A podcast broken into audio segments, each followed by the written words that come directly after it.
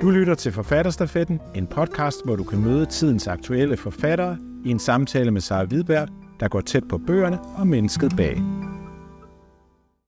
Thomas Korsgaard, velkommen til Forfatterstafetten. Sidst vi to snakkede sammen, der havde du lige færdiggjort en trilogi om drengen Tove, og nu er du så aktuel med en spritny novellesamling, som hedder Snydt ud af næsen.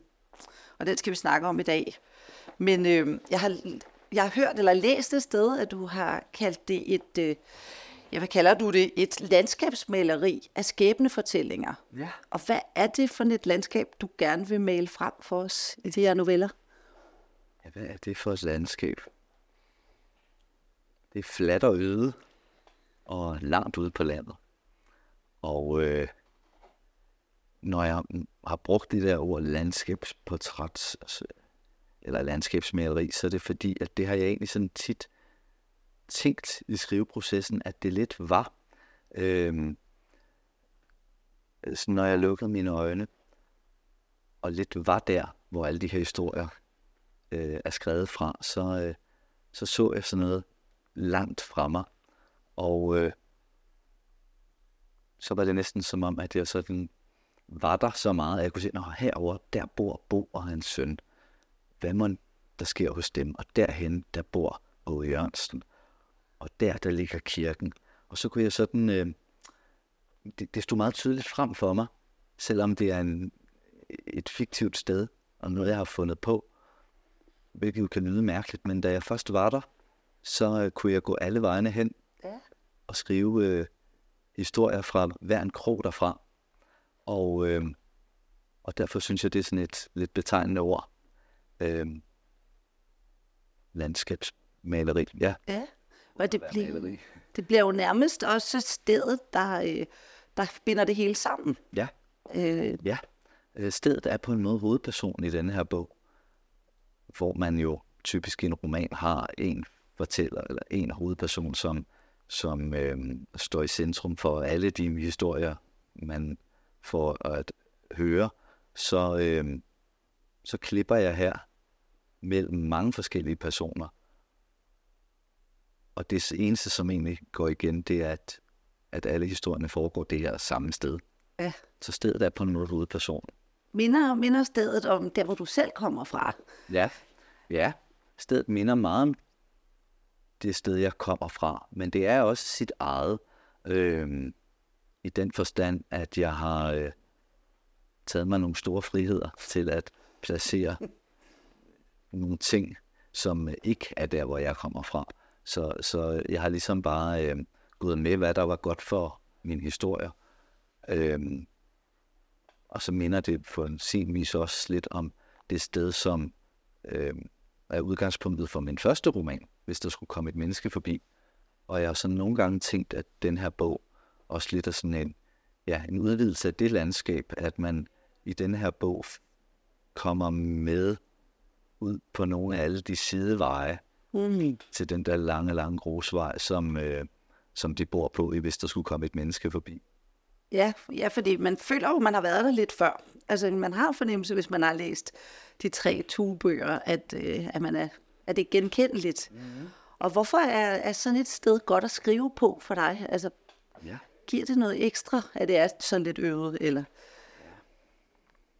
Ja, det giver alt muligt ekstra. Altså først og fremmest er det godt at skrive på for mig, fordi det er altså et sted, en type sted, min krop kender så ekstremt godt. Mm. Øhm, jeg har jo boet ude på landet på en bondegård, vokset op på et, et, et, et kvægbrug, øh, og, og der har jeg jo boet 17 år, så det er jo sådan, øh, det findes meget stærkt i mig, så derfor er det på en eller anden måde meget naturligt, at, drage derfra, øh, når jeg begynder at skrive. Men så er det jo også et godt sted, sådan helt litterært eller effektagtigt, fordi at øh, hvor man, når man skriver om noget, der foregår i byen, altså det er jo, byer er jo overvældende, og især byer som København, og det, det oplevede jeg jo også, da jeg skrev, at man skulle nok have været der, hvor min hovedperson, som kommer fra sådan et lille sted, kommer til København. Altså han, han kan møde alle mulige mennesker, han kan gå alle vejene hen, Øh, der er simpelthen så meget, der kan lade sig gøre. Der er selvfølgelig også alt muligt, der ikke kan lade sig gøre. Det, det, det er jo klart, det er jo, øh, det er jo sådan noget, der er betinget af, hvem ens hovedperson er, og hvor han står i livet, og hvilke forudsætninger han er. Men, men en by er alligevel noget helt andet, både i virkelighedens verden, men også som forfatter, fordi at øh, der er så meget fortab sig i.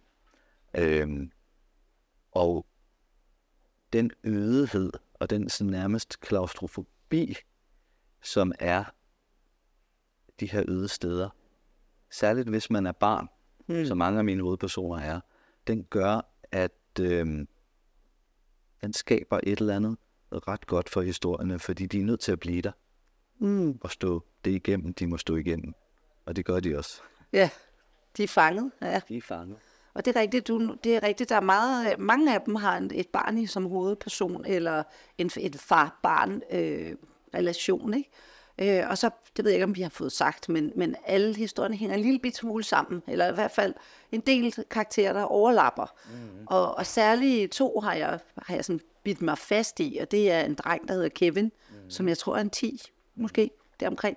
Og så hans far, Åge, ja. som er med i flere af novellerne, og blandt andet i den, der hedder Snydt ud af næsen, som er, er titelnovellen, ja. er, er det Kevin, der har hovedrollen. Øhm, men jeg tænker, om du kunne prøve at beskrive sådan en dreng som Kevin. Ja. Men Kevin, han er en, øh, han er en dreng på 10 år, som der faktisk var han en af de personer, jeg allerførst blev nysgerrig på, da jeg, da jeg kom ind i det her univers. Og det lyder så mærkeligt, men det er også noget mærkeligt noget at skrive. Men pludselig en dag så jeg den her dreng for mig, øh, kom gående i pyjamasbukser i regnen øh, med en computertaske over skulderen, som han har fundet i, øh, i skolens øh, kasse med glemte sager. Og han kommer gående der i regnen, og han har noget for, men han er egentlig ret sådan øh, frisk og fuld at gå på mod. Fordi det, han har fået, det er, at nede i computertasken, der ligger der nogle børnemærker for børns vilkår, som han skal sælge. Og øh, overskud går selvfølgelig til børns vilkår, men for hver dag, der kan han beholde en femmer øh, til sig selv. Mm. Problemet er, at Kevin bor ret langt ude i ingenting, og derfor er der ikke lige nogen sådan i den sådan nærmeste radio, som han kan gå hen og banke på døren hos og sælge til. Og derfor bevæger han sig afsted hen til øh, den mest nærliggende by, en del kilometer derfra, øh, for at prøve der. Problemet er bare, at hans far har sagt flere gange, at der er ingen grund til at tage derhen. Det er bare en bedte pisby. Der er ikke noget som helst at se der. Så han trodser jo egentlig et forbud, som hans far har sat op. Men øh, det tænker han, det kan vel ikke være så galt. Nej og jeg skal jo tjene nogle penge, og der skal jo ske noget nu. Så det opvejer ligesom den frygt, faren har sat i ham. Jeg tænkte på, at vi skulle høre en lille bid af den, øh, så 83, 84, ja. hvis du er frisk på det. Ja. Fordi det er der, hvor han lige kommer til Pisbyen. Ja. Her, hvor han, øh, han kommer op ja. øhm, og banker på, eller prøver at, at ja. komme ind hos nogen, for det er jo altså lidt en svær opgave i det lille bit samfund. Det må man sige. Her kommer han hen til det første hus. Et af husene havde afskallet bogstaver på facaden. Kaffe, tobak, tips. Lyset brændte derinde et sted. Kevin gik hen til et vindue, hvor han kunne se et lille stykke papir med håndskrevne ord på. Bogstaverne blev mindre og mindre på vej ud mod kanten af papiret. Åben efter aftale. Men der stod ikke noget telefonnummer, man kunne ringe på. Kevin stillede sig på tær og lænede sig forover. Det gav et lille dunk, da panden ramte ruden. Vinduskarmen var fyldt med porcelænsdukker med hæklede kyser. De sad skulder mod skulder og kiggede ud mod gaden med deres udtværede blikke. To dørslag fra Madame Blå hang der også. Et sæt krykker med kommunens navn brændt ind i håndtagene. En gammeldags spinderok og en stationær computer med tilhørende tastatur. Troldegrene med påskeæg i loftet. Der var prismærker på det hele – nu var der nogen, som nøs derinde, et sted bag det alt sammen. Så endnu et nys. Det lød som et nej. Kevin gled ned på flade fødder og gik om husets hjørne. I gavlen var en stejl trappe op mod en dør. Han gik op ad den og stod lidt og kiggede på det øverste trappetrin, hvor der stod en mosbamse. Han tog fat i dørhammeren. Den var af messing og forestillede en støvle. Men i det samme han skulle til at slå den mod døren, blev lyset slukket et vindue af gangen derinde. Alle de mennesker, man aldrig mødte, dem var der flest af. Kevin slap messingstøvlen og gik videre ud på vejen. Ja, og det er jo også sjovt, den der tanke, han lige har, dem er der flest af. Ja. Altså det er alle dem, han ikke møder. Vil han, vil han i virkeligheden gerne i kontakt med andre mennesker? Ja, Han er lidt ensom, den her det, dreng, det vil man, når man tænker sådan. Øh, der er noget enormt tillidsfuldt over at tænke sådan, Ja. ja. synes jeg. Alle de mennesker, man aldrig mødt, dem er der flest af. Der er et håb om at komme til at møde. Ja, Bare nogle af dem i hvert fald. Og øh, det er en tilgang til livet, som jeg øh, synes er øh, øh, opløftende og, og skøn. Fordi alternativet er jo at leve i frygt og tænke, åh, alle de mange mennesker, der findes derude, de vil mig, det er sikkert ikke godt. ja, Og sådan øh, har hans far det nok. Ja. På grund af nogle af de ting, han bærer med sig. ja fordi han er jo øh, lidt skurk, eller jeg ved ikke, hvor meget vi skal sige om, hvad det, hvorfor det er, men han er i hvert fald, vi kan godt sige så meget, at Åge er ikke en, de andre har lyst til at lege med. Nej, så, så, og det smitter af. Jeg sige, at, at uge, der er sket en hændelse før mm. Kevin blev født, som øh, en frygtelig ulykke, øh, en frygtelig skyld bærer Åge Jørgensen på. Øh, men den ulykke er, og sådan er det på de her små steder, altså den er et traume for hele det sted. og det smitter af på hans søn. ikke? Øhm, det, du- det du så gør, som jeg synes er ret fantastisk i bogen, det er, at du skifter i novellerne. Øh, både så kan Åge være hovedperson, og han kan være biperson. Kevin kan være en biperson i, i for eksempel den sidste af novellerne, der er han bare en øh, blandt mange drenge. Og, og i nogle af novellerne, så får vi faktisk ondt af Åge, selvom han jo også er en ikke særlig sympatisk karakter. Og, og på en eller anden måde formår du at, at have sympati med også de ikke så flinke fædre, og hvad der ellers er i bogen. Altså, hvordan har du kunne det? Ja, jamen det har jo på en eller anden måde været... Øh, det er jo der, man må bruge sin indlevelsesevne som forfatter, fordi at øh, der er ved Gud mange figurer i denne her bog, som da jeg begyndte at arbejde, tænkte jeg, de her mennesker, dem kan jeg ikke, dem kan jeg ikke gå ind i. Jeg kan ikke bruge min... Jeg, jeg vil ikke. Jeg føler en modvilje, fordi det er ubehageligt. Det er jo øh, meget naturligt at føle det sådan. Men, men øh, med den modvilje var der også en nysgerrighed. Hvordan, hvordan, øh, hvordan kan livet ende i de her knuder, som mm. der er rundt omkring i denne her, på, den, på den her egen.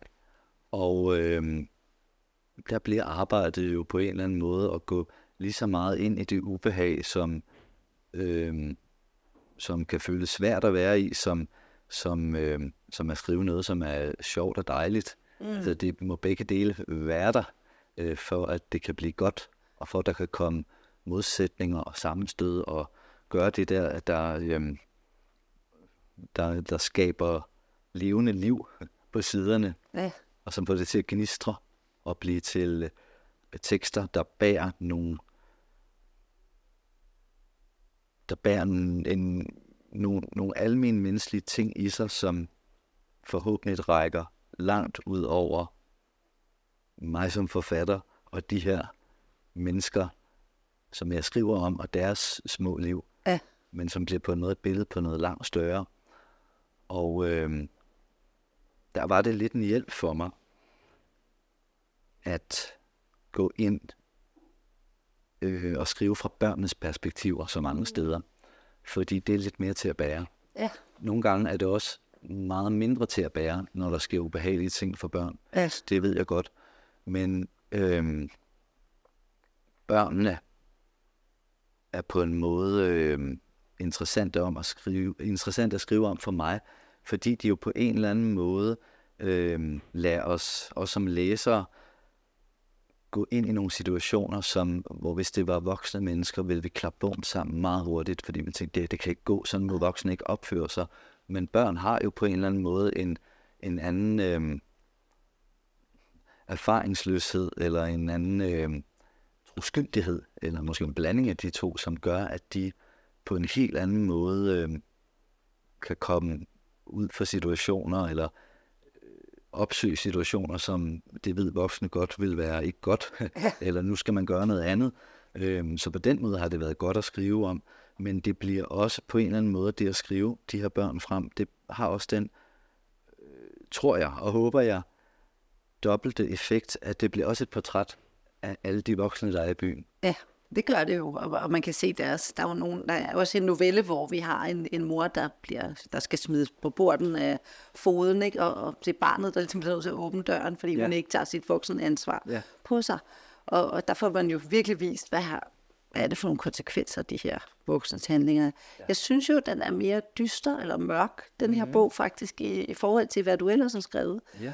Øhm, jeg ved ikke, om du selv synes det også, at den på en eller anden måde er lidt hårdere, eller mm. der, der er mindre af det der forløsende galgenhumor, som, ja. som jeg ellers husker ja. for dig. Ja, jeg tror godt, det kan handle om, at fordi vi, øh, fordi vi har med en bog at gøre, hvor der er så mange forskellige historier, så er, så er der lige pludselig også meget mere øh, drama mm. eller ubehag eller tragedie, fordi at, altså, hvor man måske i en, en lang roman kredser om den samme enkelte begivenhed et langt stykke tid, så er der jo her begivenheder i hver novelle, og det gør måske, at det bliver en bog, hvor hvis ikke man, jeg ved det sgu ikke, men, men det vil nok være godt at tage en af gangen, fordi ellers kan man måske godt blive lidt overmandet af, hvor meget der sker. Øhm, ja, det... Og det er jo fordi, jeg hele tiden går, når herhen der sker der også noget, og herhen sker der også noget. Ikke? Og en roman vil man jo på en eller anden måde øh, blive et sted og, og, og folde det længere ud. Men her har jeg altså synes det var mere øh, interessant at se, hvad der ville ske, hvis man gik ned i noget, ja. forlev i det, og interesserede sig for det øjeblik, eller det, øh, ja, zoomede, zoomede tættere på, på en eller anden måde, og så går videre, fordi det er jo også det, der er spændende, at når alle historierne så foregår det samme sted, så sker det, altså i den her lille, på den her egen i min bog, der er det jo lidt ligesom i virkeligheden på sådan nogle her egne, at alle kender hinanden. Yes. Og øhm, det kommer jo også til at få den betydning, at de kender jo også hinanden i historierne. Mm. Så når man så har hørt en historie og går videre, så, øh, så har de jo også hørt om den historie. Mm. Og kender til, hvad der foregår ja. ved siden af det huset, de bor i. Så der er sådan en forskudthed øh, over alt i denne her bog, som på en eller anden måde øh, kommer lidt af det der, sådan, vi taler om, men som måske også gør, at det kan virke lidt voldsomt. Ja, jamen det kan det. øh, men jeg håber da, når det er så sagt, så håber jeg da på en eller anden måde, at man bliver båret igennem af den øh, tapperhed, som jeg faktisk virkelig synes, der er, og som jeg synes er opløftende. Øh, altså mennesker, som på en eller anden måde ikke bare affinder sig med deres vilkår, men som går løs på dem og siger, kan vi ændre det? Kan det blive, kan livet blive bedre? Er der ikke, er der ikke lidt mere til mig? der er jo et eller andet opløftende ved det. Der er en ukulighed i mange ja. børnene. Ja, det synes jeg, der er. Men jeg synes også, der er det i nogle af de voksne. Det synes jeg. Dog. Dog. hvordan, altså, hvordan er det, når du nu skriver noveller, men det er også ja. det, der hedder novellekreds? Ja, det er jo et nyt ord for mig. Ja, men det er jo en, en lidt sværere disciplin, kan man sige, fordi du skal have det til at hænge sammen. Men synes ja. du, det er, er det frisættende i forhold til romanformen, synes du? Mm, det har været frisættende lige nu. Ja. Øhm, efter man skulle nok have været der, der var jeg jo virkelig i uh, topform på romanfronten. Det er jo klart, at jeg lige skrevet en. Øhm, men øhm, jeg er altid lidt bange for at stivne på en eller anden måde. Så derfor, øhm, eller for sådan at komme til at på en eller anden måde blive, hvad kan man sige, når man lige har skrevet en roman, så er man rigtig god til det. Og hvis man så skal skrive en til, så kan det godt være, at man kommer til øh, at bruge for meget af alt det, man lige har lært. Mm. Og øh, det kan man jo tænke egentlig vil være meget belejligt. Mm. Men jeg synes også, det er lidt uinteressant, så jeg vil altid gerne prøve at se, hvor kan jeg gå hen for at starte forfra og være fuldstændig dum, og ikke vide, hvad man skal gøre. Så hvis jeg, øh, altså, der var et eller andet i, så at sætte sig for at skrive noveller, efter at have skrevet en roman, som gjorde, at der var ikke så meget, der kunne hjælpe mig, at det jeg lige sådan var blevet skarp på, så måtte jeg ligesom starte helt forfra på en meget god måde. Øh, for det gjorde, at jeg sådan, øh, ja, der var noget, en frisættelse i det på en eller anden måde. Ja. En frihed til at sådan, bare prøve af og se, hvad der skete, og blive inde i det der laboratorie, hvor man prøver idéer af, og skriver lidt her, og skriver lidt der i rigtig lang tid. Det var enormt skønt. Øhm, og så tror jeg, det der med, at det kom til at hænge sammen, det kom sådan lidt hen ad vejen, da jeg begyndte at sådan kunne se, okay, meget af det, jeg skriver, fordi jeg, det var ikke, ikke noget, jeg besluttede mig for fra starten af, at sige, at om de skal alle sammen foregå det samme sted, fordi så tror jeg faktisk ikke, jeg vil kunne. Altså, øh, jeg er ikke sådan, øh, mm, jeg er ikke nogen kon- konceptforfatter.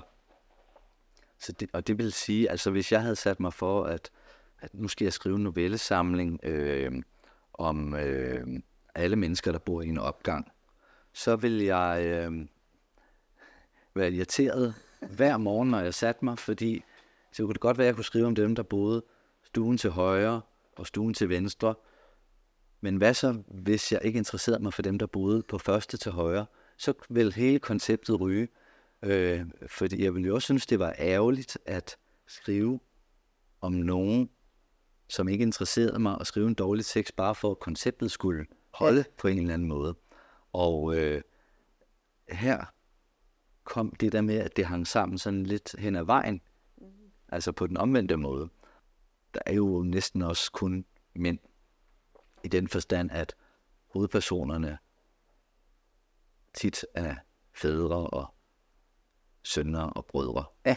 Der er et eller andet tematisk der, som, som også faktisk bare er opstået. Altså, øh, det er jo heller ikke noget, jeg sætter mig for på forhånd og siger, nu vil jeg skrive, skrive om mænd.